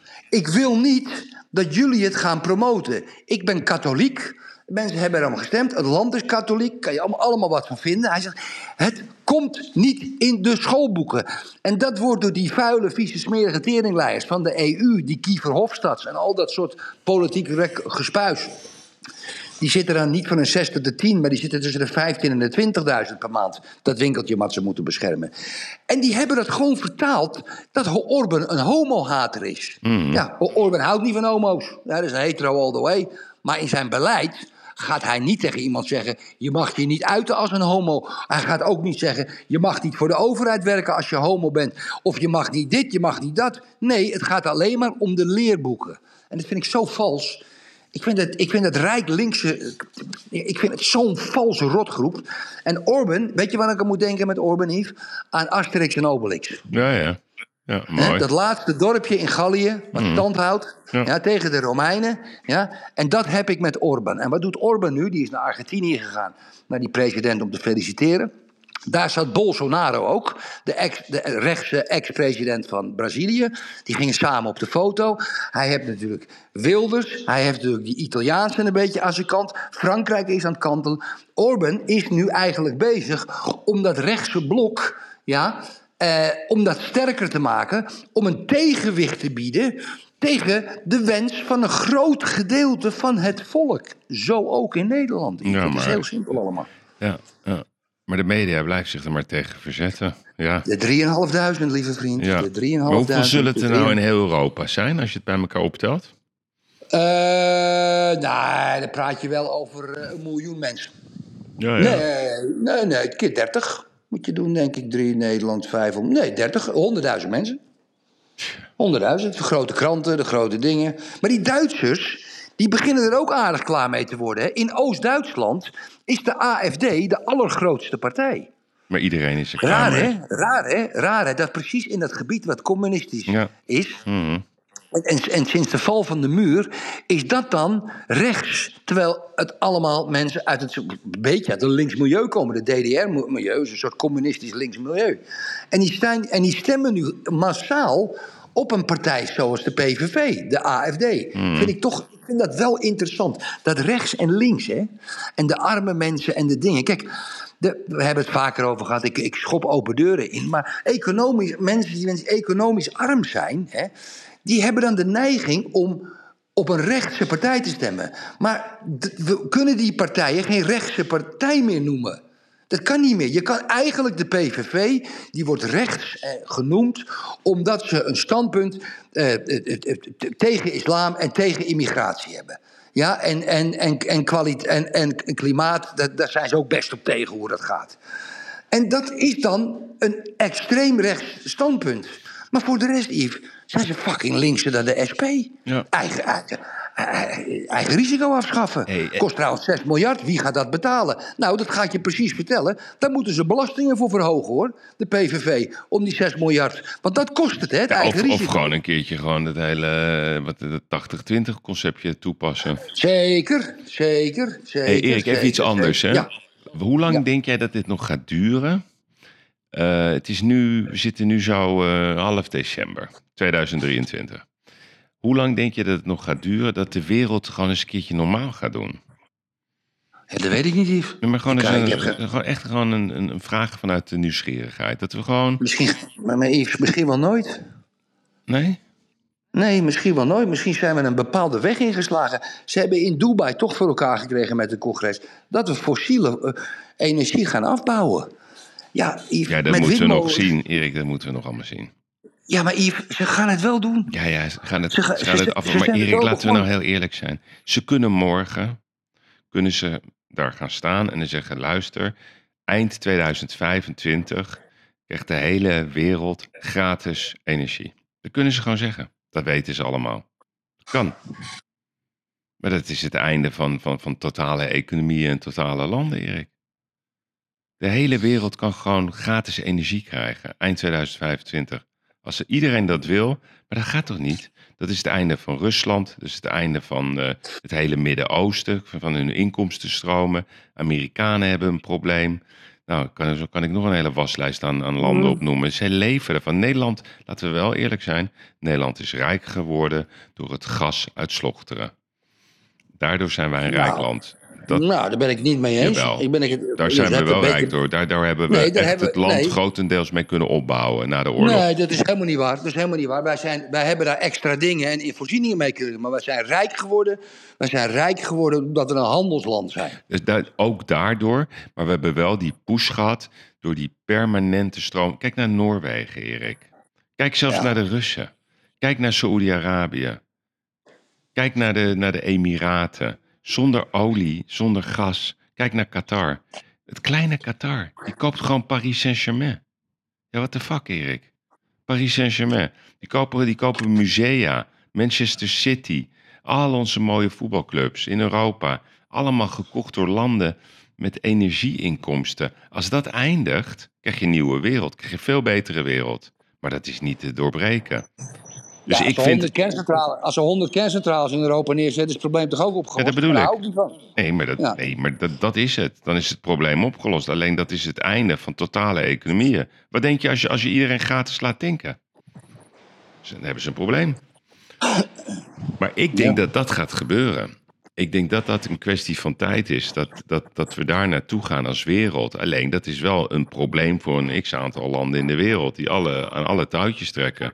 De wereld wordt gewoon gedomineerd door de monopolisten op het gebied van energieinkomsten. Hoe je ze ook noemt. Hè? Of het nou fossiele brandstoffen zijn of het is gas. Het gaat alleen maar daarom. Want dat is waar de mens aan verslaafd is. Want die heeft dat nodig. Om zich te verplaatsen, om te douchen, om, eh, om te eten. Dat, daar, daar zijn we volledig afhankelijk van. Maar als je, als je dat, als dat van het volk wordt, is het einde van landen, Erik.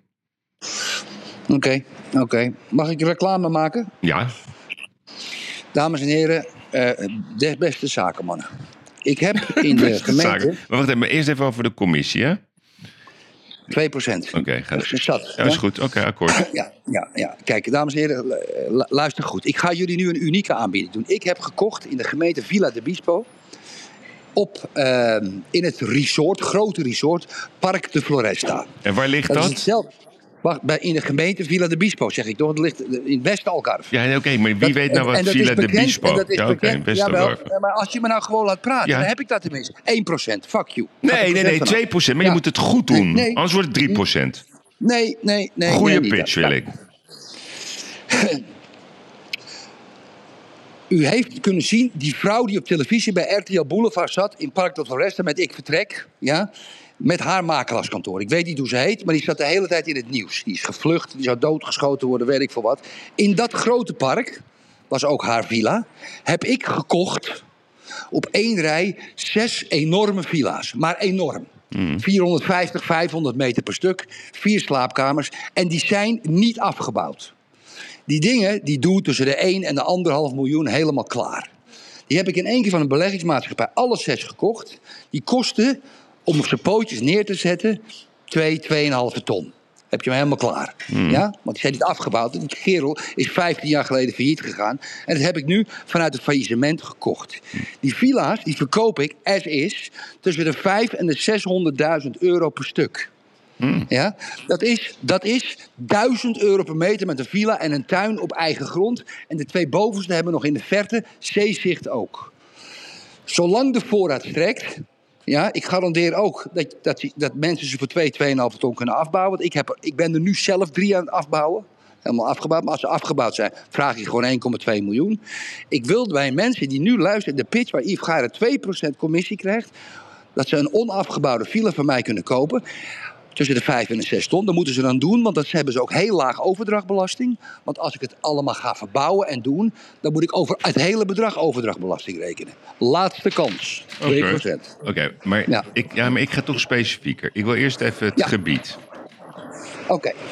Wat is het gebied, Erik?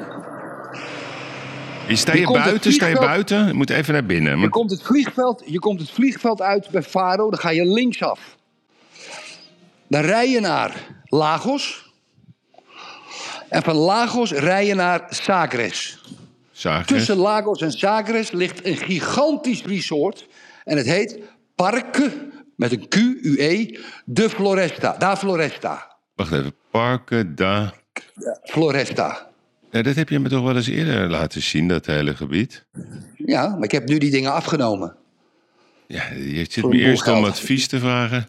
Hier. Nee, ik heb- vraag je helemaal niet om advies. Daar heb ik geen advies voor nodig. Ik heb die dingen gewoon gekocht voor een, voor, voor een prikkie. En die verkoop ik door voor een prikkie. Weet je wel, Ja. Hier, Parque Nee, ik de Flores. Bij. Salema? Ja, precies. Hoe lang is dat rijden naar de kust?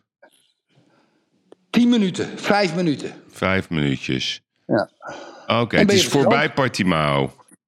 ja natuurlijk is het voorbij Portimao. Ja, en dan inderdaad, en dat, dat is toch dat mooie surfgebied daar bij Sagres? Ja, precies. Dat is het surfgebied. En je kan naar de westkust toe. Zit je in eh tien minuten. Maar je kan ook naar de zuidkust. En dan zit je ook in tien minuten. Ja. Allemaal, allemaal prachtige stranden. Allemaal heerlijk. Ja. En dan heb ik zes villa's op een rij gekocht. Ja. En je hebt niks voor je deur. Een weg en alleen maar prachtige En het is natuur. vanaf Faro, denk ik, uurtje rijden. Eén uur precies. Ja. Is een mooi gebied, lieve mensen. Ja, Oké, tussen maar de vijf en de zes ton. Ligt eraan wel. Erik, wacht nou even. Hoeveel vierkante meter? Ja, zeg maar even 450 vierkante meter BVO. Die kavels, ik weet niet hoe groot ze zijn, 1000, 1500 meter. Die kavels zijn niet zo heel groot. Duizend. En dan Ja, dat weet ik niet precies. Ja, maar dat, dat- dat weet ik niet precies. Je wilt iets verkopen en je weet het allemaal niet. Je had het in het begin van de podcast over details. Over de puurheid van, van dat het een 10 is. Dus we gaan nu iets neerzetten. Het klinkt namelijk heel goed. Maar dan moet je wel, het moet wel even duidelijk zijn. 450 vierkante meter, 1000 vierkante Ja. meter grond. Laten we het maar even zo noemen. Ja. De, jij zegt tussen de 5 en de 6 ton. Nou, dat vind ik al een heel verschil. Is dan de, de, de minste kost 5 ton of zo? Ja, ja. Oké. Ja. Tussen de ja. 500 en 600. En, en jij zegt om hem helemaal af te bouwen, kost 2,5 ton? Tussen Ja, maximaal. Ja. Ja, oké. Dus laten we zeggen dat de eindprijs komt uit tussen de 7,5 en 8,5 ton. Nee, maar ik doe geen eindprijs. Ze kopen die Nee, maar die is. mensen gaan dat Ja, zo uitrekenen. Ja, ja klopt. Ja. Ja. En dan, en dan, en dan zit, er komt nog die, die eh, helemaal 0,0 overdrachtsbelasting, zeg jij? Zes- 6,5 procent. Ja, toch? Oké. Ja, maar over, over die 5 en die 6 ton, hè? Ja, ja, dus dat is zeg maar 33 tot eh 40k. Dus, dus eigenlijk gewoon binnenste buiten, afbouw, inclusief grond, eigendomsrechten, Ja. ben je tussen de 8 en de 9 ton kwijt. En dan moet je. 2000 euro per meter voor een villa. Slaat nergens op. Slaat Ja. gewoon nergens op. Nee, nou, oké. Nee, maar de, de, nu geef ik de kans. Nou, mensen, Appartementen in Lagos doen nog 6, 7.000 Nee, euro het. per meter. Ja. want ik, ik sprak op de beurs een, een, iemand die, die, die, die had het over dat Comperta of zoiets. Dat is in de buurt van. Comporta. Ja, Comporta. Daar zitten al die, al die Ja. celebrities, hè? Oh, hier, Comporta. Ja, ja. Het ligt ook daar mooi aan, de, aan die Atlantische Oceaan. Iedereen gaat naar Ja, Portugal, Erik. Ja, weet ik. Zei Cor, Cor van Zadel zei het ook. Cor zei tegen mij, je was weer de eerste. Ja. Ik zeg, wat bedoel je? Hij zei, ja, jij ging tien jaar geleden nog naar Portugal. Ik zeg, twintig jaar geleden, Cor. Ja. Ik begon al in de negentiger jaren, dertig jaar geleden te kopen hier. Nou, dat is wel leuk, want dan pak ik toch... eh, eh, hoeveel heb je er nog? Zes, ik, ben, ik heb ze net afgenomen. Ja, zes, oké. nou. En ik ga er, ben er drie, heb ik net de bouwer opdracht gegeven om te gaan verbouwen. En hoe kunnen ze jou vinden? Ja, dat, dat maakt me niks uit. Ik ga dat, eh, dat, dat vinden ze maar Ze vinden op social media. Het bedrijf heet Carboero Branco. Ja. Kan je gewoon een e-mail geven. Zeg je dit in de podcast gehoord hebben. Vraag je naar meneer Pedro Limbert. Ja, maar ze willen Erik de Vlieger dan even zien of zo. Kom je wel een ik handje geven? Ja, dat komt gezellig. Dat gaat er niet om. Maar ik ga die zaak niet doen. Dat doe ik mijn verkoopafdeling. Maar anders gaat men, mensen hebben allemaal vragen. Daar heb ik geen tijd voor en geen zin in. En mijn mensen zijn heel goed geëquipeerd om alle vragen te beantwoorden. Oké. Je bent wel heel klantvriendelijk hoe je al die dingen benadert. Nee, ik doe dat niet, want ik ben daar niet goed in. Als mensen tegen mij zeggen, ja, wat voor airconditioning merk hangt erin, dan heb ik geen, dat, dat, dat is niet goed. Daar heb ik mensen voor. Oké. Net als jij. Jij gaat toch ook niet bij de kaartcontrole staan Nou, van, de beurs? Ja. Nee, dat is niet waar. Ja, ik probeer wel altijd een beetje in de buurt te komen. Maar dat maakt niet uit. Oké, duidelijk. Nou, mooi. Erik, hebben we al nieuws van eh Martin Bosma of is het nog Nee. bezig? Nee, het is wel bezig, het is spannend. Spannend is het hier. Ja, ik heb de munt niet. Wat denk jij? Ja, ik denk wel Bosma. Oké, Ik zou het raar vinden. ik ook. Het ook Vond je, het een leuke pod- vond je het een leuke podcast, Yves? Je had er zin in, hè?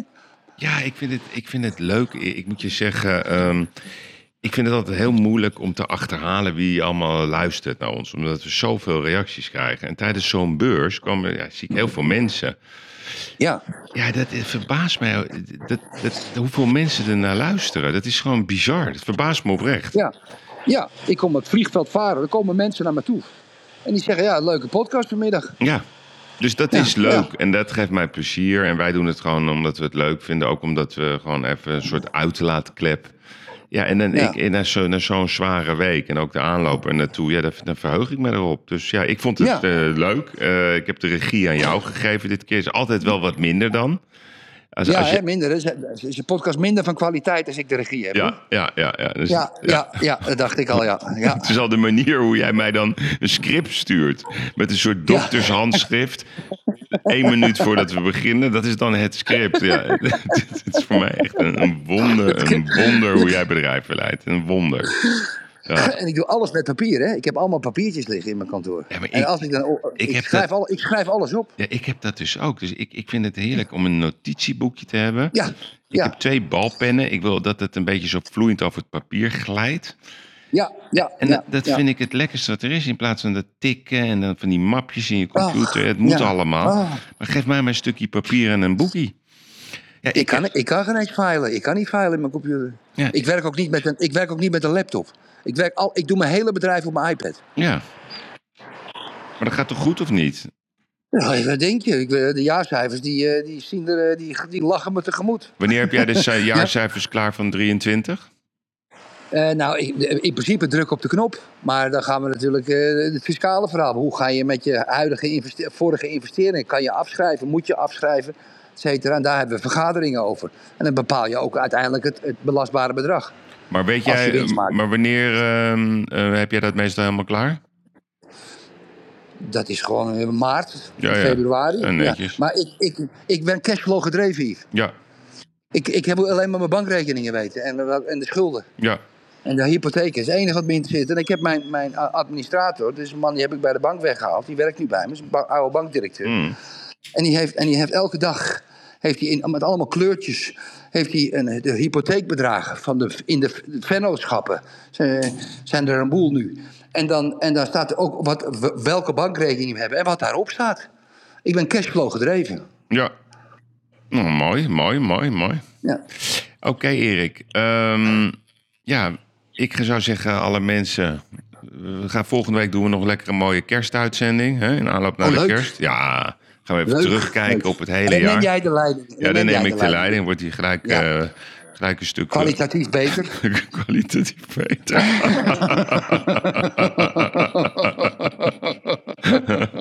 hey, ik wil nog even de groeten doen aan David van Linschoten. Die heeft vijf dagen Ja. ja, fantastisch gedraaid, Erik. Met zijn een kerel, gin. En Wat een kerel. shout-out voor kapitein Kers. Onze, onze topman van, van TUI. Shout-out Ja. voor, eh, voor, voor Paardenkoper en zijn hele team. En zo waren er Zeker. een miljonair euro-listing. Ook, een, eh, ook een, eh, iemand die het doet in huis in Spanje. Wel concurrentie voor jou, Erik. Ja, die heb ik gezien, die stand. Ja, een fanatieke luisteraar. Oeh, oh ja? Mhm. Oh, hij heeft mooie spullen. Hij heeft mooie spullen. Hij Ja, heeft mooie spullen. Maar, maar ik weet, als hij wat huisjes van mij wil verkopen in Spanje, ja, Ja. Dan kan het ook. Dat is helemaal geen probleem. nou, misschien vindt hij jou. Allemaal te zien. Ik wil ook nog even de groeten doen aan Annemiek natuurlijk. Ja, ja. Dat is ook heel belangrijk. Hoe gaat het met En, Annemiek? Is ze weer in Nederland? Goed. Ja, is in Nederland. Die 2% Yves. Ehm, je weet dat, dat ehm, daar hoeft geen BTW op, want het is grens, eh, grens eh, Overschrijdend. hè? Ja, ja, ja, ja, ja, dat je het weet. Anders wordt het me wel te veel. hè. Twee- Twee. 2% van 5,5 ton is 11.000 euro. Hè. Jeetje mina. Ja, ja. Ja. ja, dat is een boel geld, ik hoop het even. Nee, je moet het met plezier aan me geven, jongen. Zeker. Ik werk graag met makelaars. Ja, als we allemaal lekker wat willen verdienen. Ik zeg al tegen alle makelaars, jongens, ja, dan willen ze mijn spullen listen. zeg ik, jongens, doe nou even lekker normaal. Dat doe ik niet. Maar je gaat eerst een huis verkopen. Ik betaal je een hele hoge commissie. Als je één huis verkocht hebt, mag je mijn spullen listen. Dan valt 99% al af, Yves. is ongelooflijk. Kijk eens aan. Oké, Ja. Erik, dankjewel. Ik ga eens lekker naar Ajax. Ehm, Oh ja. Ja, ik heb daar verheugd me erop. Ik ga met Jossie. Eh, we zitten lekker met, eh, met. Jacques Zwart en eh, Ronald de Boer. En als het goed is ook de nieuwe directeur van Ajax. Die in, maart of zo pas komt. Mhm. Dus ja, ik vind dat leuk. En het klinkt een beetje raar. Ik hoop toch dat ze winnen. Want dan kunnen we toch nog een beetje Europees voetbal beleven. Ja, Ja. Conference, conference League, houd toch op. Weet je, waar is de finale trouwens van de Conference League? Gaan we daar lekker naartoe? geen- Waar is dat dan? Dat weet ik niet. Ga ik even eh, googlen. Yves, denk je dat Ajax vanavond jou een, eh, een positie aanbiedt? Dat ga ik niet doen, dat weet je toch? Dat wil ik niet. Nee, dat weet je ik. weet dat ik Ja, het niet je- wil. Denk je dat ze je het aanbieden? Dat ze je daarom hebben uitgenodigd? Ik vind het wel een beetje verdacht hè, dat ze je opeens hebben uitgenodigd. Nee, maar ik doe het niet, dat weet je. Eh, Ik vind, wel, ja, ik vind dat wel jammer. Ja, maar het- ik, ik, ik blijf zeggen dat Ja, ik, ja, doe, ja, ja. ik wil alles doen, maar dan moet je mij de kaart geven. Oh, het is in Athene. Nou, leuk. Dan kunnen we er naartoe. Ja, ja. Ja. Ja. Nee, we gaan, lekker, eh, nee, we gaan we lekker demonstreren voorafgaand aan de wedstrijd. Het gaat niet slecht in Griekenland. hè. Die economie draait best goed daar, las ik. Ja, ik vind het een leuk land, Griekenland. Blijf ik vinden. Ja, En Kom je niet graag? ja ik, had, ik, had, eh, ik had vroeger klanten voor de naaimachines in Thessaloniki. En eh, daar had ik wel een vriendschappelijke relatie mee. Heel lang, Maar heel die lang. Grieken die zitten ook wel met die kralenkettings. Heb je dat ook in Portugal? Daar zitten zo van die mannen met die mooie grijze Ja. haren. En die hebben die mooie Ja. uitgevallen gezichten. Nee. Dan zitten ze de, de hele middag met zo'n kralenketting te spelen. Ja, ja, dat doen vrouwen hier. Mannen doen het niet. Met de Ja, kralenketting, oké. Het zijn onwaarschijnlijke slechte betalers.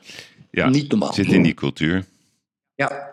ja. Ja. Ja. Italianen hebben er ook een beetje last van. Nee hoor, nooit last gehad met Italianen. Nou, ik heb Ligt aan het gebied. Ligt aan het gebied. gehad. Ook niet. Oké, jongen. Ja. Erik, Goed. zullen we nu afsluiten met We Are The Champions? Nou, dat vind ik dat. eh, Oh, je hebt het al gedaan, dus dat zal ik zeggen. Ja, doe maar. Voor iedereen. Ja, maar een beetje voor jou. Ja, Menno Gele vond het Champions League niveau. Ja, Menno Geel van Ajax dat wel zegt. Ja, nee, maar gewoon voor alle mensen, voor heel Nederland. We are the champions. We gaan met z'n allen woke bestrijden. We gaan weer over tot de orde van de dag. Maar Yves, Ja, wat ik wel wil, ik wil ook een shout-out voor PSV. ja. PSV, ik ben toch gek op dat elftal. Jezus, Ik ben gek op dat elftal. Wat een goed elftal is dat. ik heb zo genoten van, dat, van die Ja. wedstrijd tegen Sevilla. En Arsenal ook, hè? Ja, Wauw. die heb ik dan niet gezien. Maar, maar gewoon, en de trots. En ze, ja, ik zit ze de hele tijd te complimenteren. En dat vinden ze bijna gênant worden. Fenomenaal elftal. Ja, het, blij- blijft een ding, hè, Erik. Dat als je als Amsterdammer complimenten geeft aan, aan, aan, aan de PSV, dat vinden ze altijd raar. Nou, dan moeten ze lekker zelf weten. Ik ben van een generatie, ik ben van het gevoel... als Feyenoord of Groningen Ja, of, Utrecht of PSV internationaal speelt... gaan bij mij de voetjes van de vloer op als een Nederlandse club scoort. Zo Punt is het. uit te houden. Dat gezeik van de rest zijn Neandertalers. Dag lieve mensen. Dag lieve mensen en een fijne, fijn weekend. En tot volgende week. En dan gaan we eens een mooie, mooie special voor jullie maken. En dan bereid ik het weer voor. Maarten Bosma. We gaan het zien, Erik. Hoi, hoi. Hoi, hoi. hoi, hoi.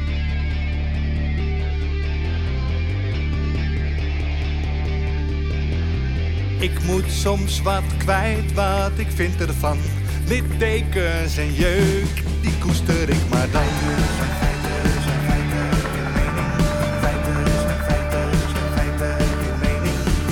Duidelijk en luid. Riemen vast vooruit onze mening. Duidelijk en luid. Riemen